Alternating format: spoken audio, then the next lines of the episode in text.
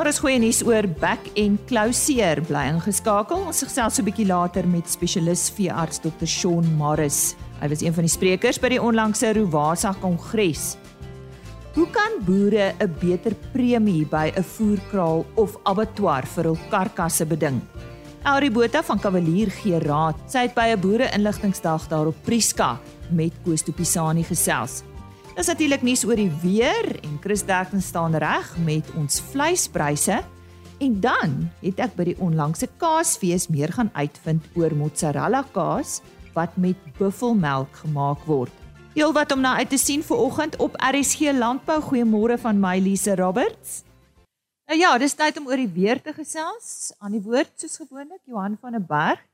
Johan, eh, kom ons begin bietjie met Australië. Ek sien daar was vloedwaarskuwings mense uh op Queensland en dis nou die Ooskus moes van hulle is gevra om hulle huise te ontruim. So ja, wat sien jy vir ons wat dit betref? Ja, is interessant um vir uh, veral New South Wales maar ook Queensland, uh, maar meer rondom Sydney. Uh dit was nou die afgelope week die 6ste vloedwaarskuwing hierdie seisoen gewees. En dit is uh redelik ongehoord in die sin dat dit nie elke jaar gebeur nie, maar as 'n mens gaan terugkyk na die redelike sterk La Nina verskynsel, is dit normaal vir La Nina uh om vloede in daardie gedeeltes, die ooskus gedeeltes te kan gee.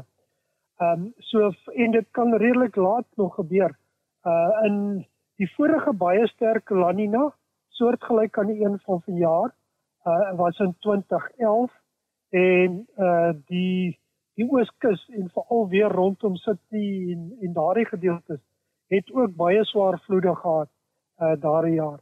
So nou interessant is hoe kan ons dit in verband bring met Suid-Afrika? Want ons weet daar's 'n redelike korrelasie tussen wat oor die ooskusgebiede gebeur en ook in Suid-Afrika. Veral oor 'n somerreënvalgebied. Uh nou die reenseisoen is vir praktiese doeleindes verby. So is daar nou nog 'n kans dat hier swaar reën kan voorkom.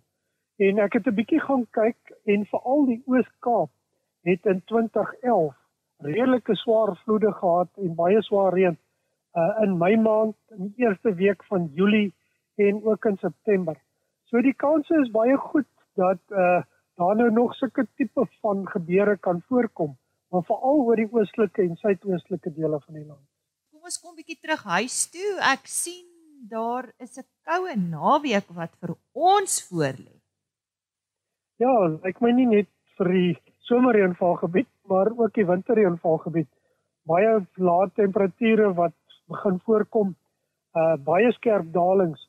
Vroeger in die week was temperature in die Wes-Kaap tot by 30 grade en vandag en môre uh gaan dit hier rondom die dagtemperature onder 15 grade in sekere gedeeltes wees ook in die in die binneland redelike skerp temperatuurdalings uh wat nou besig is om plaas te vind.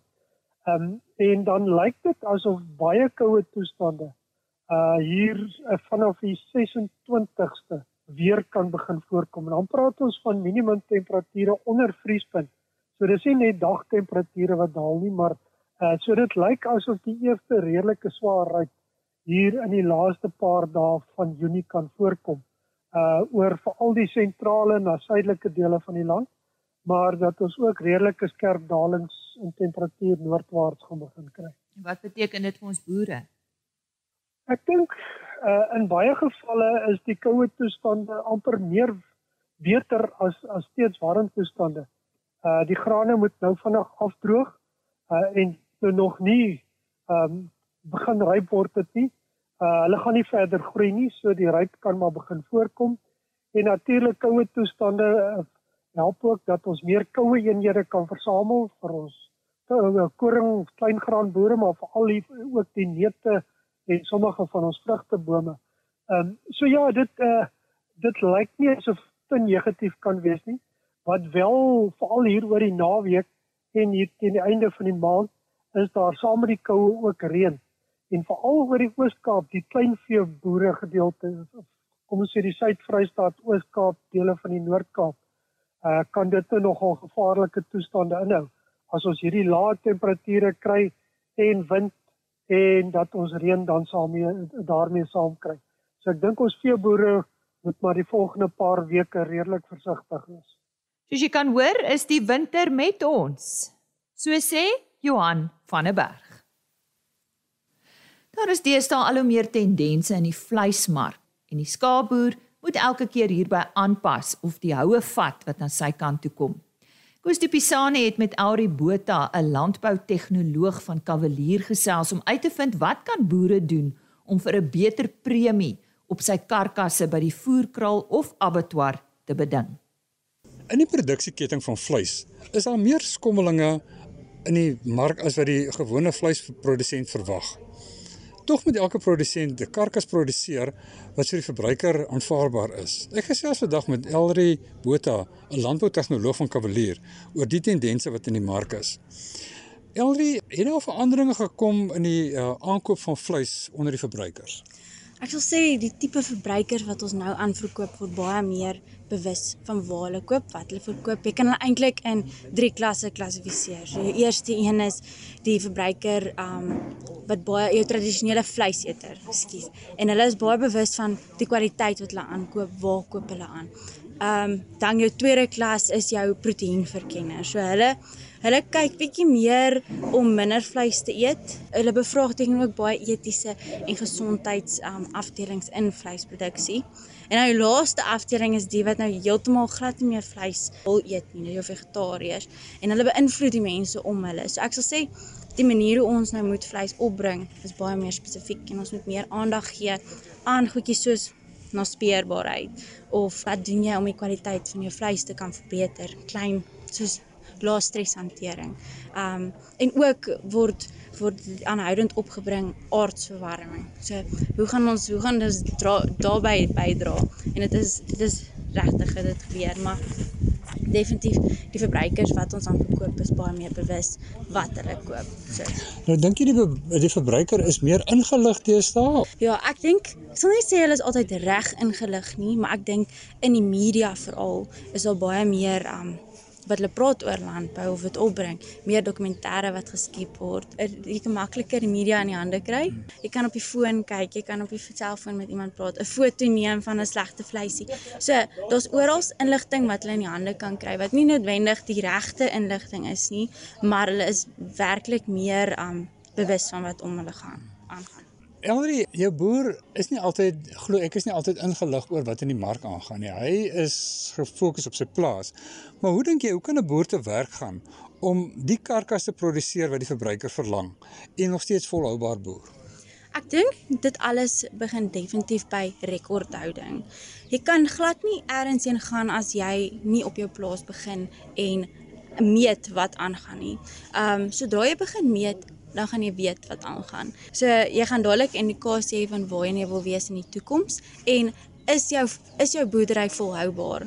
En die enigste manier hoe jy dit gaan weet is as jy meet. So um definitief na speerbaarheid veral back and claw wat nou uitgebreek het.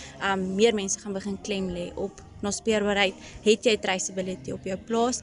En um ek dink ook vir die toekoms, um wat gaan gebeur is mense gaan boere moet begin bevoordeel wat na speerbaarheid op hulle plase het en op daai manier gaan ons data van die plase af eintlik kan kombineer saam met die data wat ons van die abattoir het en daai hele vol naspeurbaarheid het van farm to fork. Dis waartoe ons gaan. So om volhoubaar of om herlewingsboerdery toe te pas, moet jy kan meet en weet wat op jou plaas aangaan. Um, jy lê nou baie klem op na speurbaarheid. Maar is dit nie net 'n gonswoord, 'n moderne gonswoord wat deesdae rondgegooi word nie?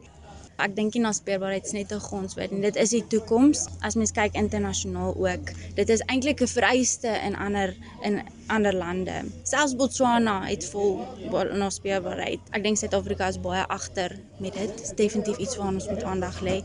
En um, ek dink wat die boere ook nie besef nie is dit het soveel voordele vir jou as boer. Jy hoef nie noodwendig iets uit dit uit te kry nie, maar jy sal weet wat aangaan en jy gaan beter kwaliteite uit dit kan uitkry sodra jy naspeurbaarheid toepas.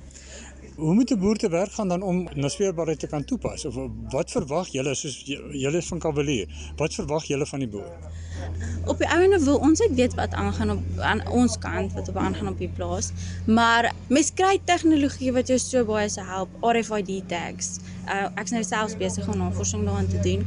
Um deur net 'n tag wat jy hom gaan kan scan en outomaties gaan al daai inligting opgelaai word um op die internet en ons gaan dit kan link met ons stelsels in in Cavalier.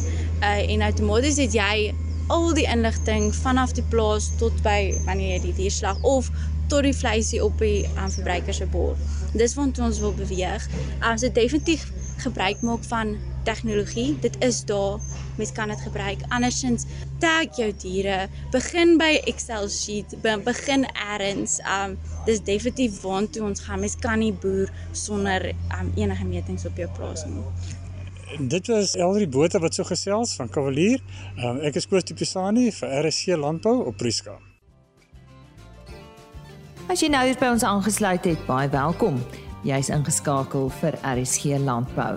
Dis net hier op RSG vanaf 5uur tot 6:30 van my kant af, Maandag tot Donderdag. Dis nou tyd vir ons vleispryse. Hierdie pryse is pryse wat behaal is by veilinge in die Noord-Vrystaat. Aan die woord soos altyd Chris Derksen. Goeiemôre Lisa en al ons medeboere. Ek gee graag vir julle verslag vir die vleispryse vir Woensdag die 18de Mei. Dis belangrik om te onthou dis Nampo week wat altyd 'n neerdrukkende effek op getalle het en verder moet ons hou dis middelmaand. Maar as ons daarby verbykyk, is aanvraag regtig baie goed. Veral stoorlammers word op die oomblik baie duur as gevolg van die gestroopte sojaboonlande. En diefstal natuurlik maak ons mal op die oomblik en dit maak ons maar aanhoudend mal. Hoopelik kan ons een of ander tyd voorkom daarmee. Ek gee vir die presiese pryse. Speenkalvers onder 200 kg het gaan vir R41.11 per kilogram lewende gewig. Van 200 tot 250 kg R39.50 en oor 250 kg R37.88 per kilogram. A klasse was R34.23, B klasse R26.55, vetkoeie R25.66 en dit is 'n goeie prys as mens dink gewoonlik laat somer is vetkoeie op hulle volopste. So ek sou graag wou sien waarheen hulle gaan Augustus maand as hulle begin skaars word. Markkoeie het gewissel van R19 tot R22.33 en slagbulle was R26.12. Skape was stoorlammetjies al klaar die mooi prys van R51.56 en slaglammers R43.48. Stoorskape as gevolg van die groot aanvraag in die informele mark R38.77. En dit is belangrik om te onthou as 'n mens stoorskape, groot skape wil verkoop om hulle klein groepies op te deel en hulle BTW vry te verkoop. Want die klein kopers koop verkieslik goed wat nie BTW op het nie. En dan vetskape was R35.67.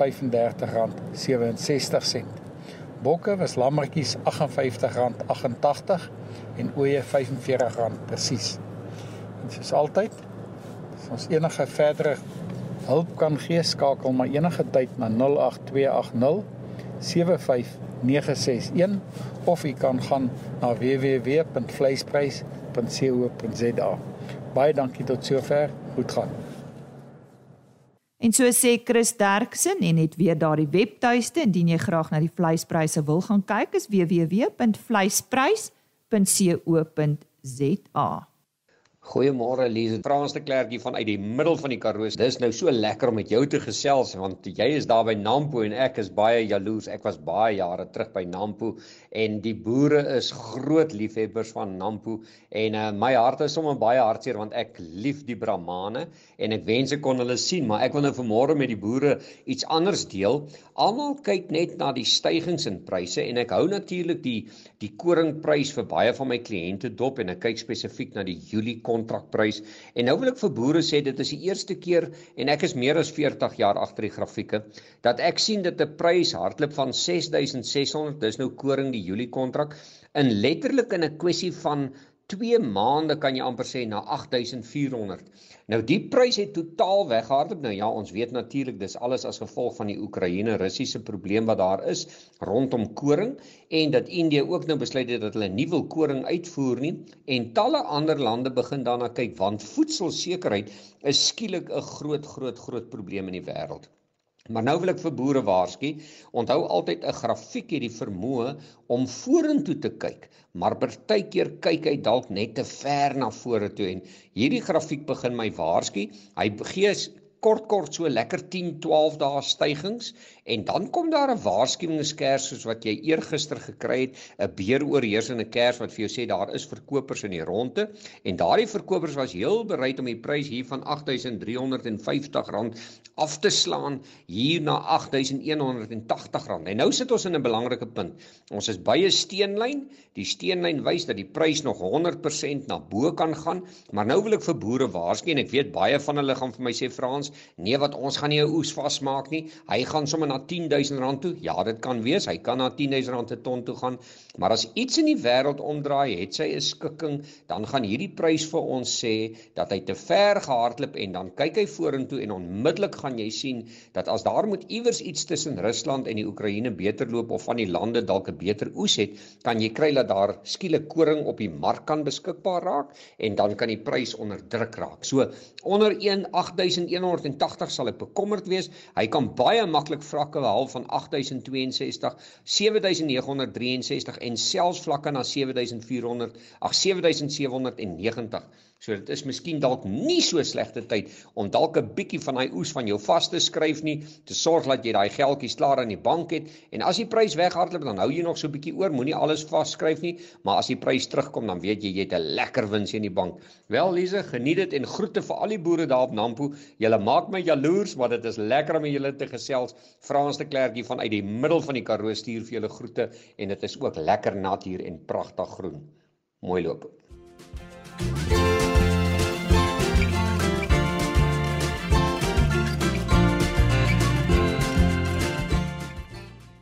Die Suid-Afrikaanse Kaasfees gaan natuurlik hoofsaaklik oor kaas. Nou, indien jy ons vorige onderhoude misgeloop het, het daarom al oor uh, die bekende en heerlike halloumi gesels. Nou vandag praat ons oor mozzarella, maar 'n anderste mozzarella. Ek het vir Tino Delaidonne raak geloop. Hy is van Zandam Kaas. Zandam is tussen Parel en Durbanville. Uh letterlik tussen die twee dorpe. Ehm um, ek ons ons ag onsself as Durbanville se kant, maar dis op die agterparel 312. Waar die kaas maak idee vandaan gekom? Kyk, kaas maak is iets wat in die familie loop van her, van uh, It It Italië se dae. Ja, ek sien jy het so 'n bietjie jy het so 'n bietjie Europees in jou. Definitief. Ehm um, my oupa het Suid-Afrika toe gekom met die kennis van kaas maak in die 50er jare en dis oorgedra so uh, oor die tyd. Maar ons het kommersieel eers in die 60er jare begin kaas maak. En Zandam is van hierdie jaar 60 jaar se se bestaan. Nou die rede hoekom ek ook nou eintlik by jou is behalwe dat dit nou 'n kaasfees is en ons het middag om met kaasmakers te praat. Julle het anderste kase en een kaas wat natuurlik almal se oog vang is hierdie mozzarella van julle. Vertel ons daarvan. Kyk, ehm um, die die kaasfees soos jy sê is gaan oor kaas en en bekend maar ek ek sien dit meer as bekendstelling van nuwe kase en ons was vir 'n paar jaar nie hier gewees nie, maar hierdie jaar het ons teruggekom met 'n bang met buffel mozzarella. Uh uh mozzarella di bufala soos, soos hulle dit in Italiaans noem. Ehm um, dit kom ook uit Italië die tradisie daarvan. Uh in die 15de eeu het hulle buffels van ehm um, die ooste gebring Italië toe om te help met die ploeg van die lande. Uh, want dit is 'n groter, swaarder bees met groter voete. So hy's hy's amper 'n 4x4 van die ploeg van daai dae. Ja. En uh toe kom hulle agter maar die dier se melk is baie lekker, is baie ryker as gewone koeimelk. Ehm uh, In fact, dit is uh, twee keer so ryk soos Jersey melk. So die bottervet is baie hoog, die proteïene is baie hoog en dit gee baie ryk romerige mozzarella. So waar kom jou buffelmelk vandaan?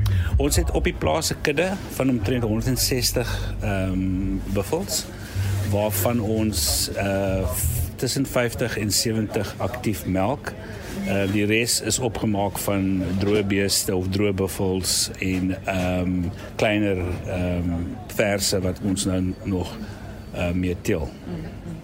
Ja, ek weet en julle is eintlik die enigste mense in Suid-Afrika of is ek verkeerd? Ehm um, kommersieel is ons die enigstes wat wat uh buffel mozzarella maak. Daar is ander op 'n kleiner skaal en dan is daar mense wat dit dit invoer. Uh maar ons is die enigste kommersiële produsente. Ja. En die plan is om mettertyd ehm um, die die genetika op so 'n standaard te kry van die buffels dat ons dit kan weer verkoop aan ander mense in ehm um, in uh breeding ja um, ja ja teel ja teel ja, teel ehm ja, ja. um, kuddes. Mm, mm. So. Het julle nou iemand spesifiek wat na die kudde omsien op die plaas? Kyk ehm um, daar daar is obviously 'n uh, 'n uh, 'n uh, 'n manager bestuurder 'n bestuurder ja. wat na die uh, buffels kyk hy het, uh, ons het hom eintlik gekoop saam met die buffels hy hy hy het ehm um, hy het saam met die buffels ehm um, van 'n ander plaas af oorgekom Uh, maar dit is nogal uh, tegnies. Ons het 'n uh, um, 'n veearts wat permanent kom kyk na die na die buffels en ehm um, veral vir die kaaie en uh um, hy is dan en hy konsulteer met veeartse in Italië glo dit of nie. Want dit is nie so maklik soos 'n bees om om om uh, met um, kaaie Ehm um, so daar is ons het 'n paar uh, issues gehad uh, met ter tyd, maar ja, daar's 'n voltydse veearts wat wat uh, wat uitkom om om na die spesifiek na die kudde te kyk en ons het konsultante uit Italië met wie ons werk ook. En dan natuurlik met Back and Claw wat nou saam met ons is en Back and Claw seer en zoonotiese siektes, is moet ons ook maar versigtig wees met buffels, né? Ek dink nie so nie om die waarheid te sê, uh dit word geklassifiseer as 'n as 'n bees, so jy kan hom vervoer, nie soos ehm um, die die 'n wild nie. 'n wild nie. Mm, mm. So ehm um, dit is baie makliker om dit rond te skuif en ek neem aan dit is as gevolg van die feit dat hulle nie draers is van van hierdie siektes, maar ek kan nie vir jou met met met, uh, met sekerheid sê nie. Nou uh, jy's nou dag deur dag 1 van die Kaasfees en uh, soos ons weet het ons nou gister 'n klomp studente hier gehad. So as hulle nou kyk na daai wit kaas van jou wat van uh, buffelmelk gemaak is, bietjie skepties vereers tot hulle dit proe. Dis eintlik baie snaaks en dis 'n goeie vraag want party mense is heeltemal ehm um, weggeblaas deur die feit dat dit van buffels gemaak is en hulle hulle kyk na die prentjie bo en ehm um, maar dan kry jy die mense wat wat baie uh, ywerig is om dit te proe en dan ja jy kry die dis die minderheid wat wat wat nie wil proe nie. Ehm um, en die soos ek vroeër gesê die mense wat mozzarella ken. Ja. En wat die caprese salad en die die die manier van mozzarella vir die latte uh, bedien. Daai mense is is heeltemal in awe oor die ehm um, kwaliteit van die mozzarella, die romerigheid daarvan en dit is definitief anderste. Die Suid-Afrikaanse Kaasfees het vanjaar onder andere daarby Sandringham plaasgevind net buite Stellenbosch en dit word aangebied deur Agri Expo. Tino Deladonnay wat so lekker oor Zandam kaas gesels het en meer spesifiek hulle buffel mozzarella.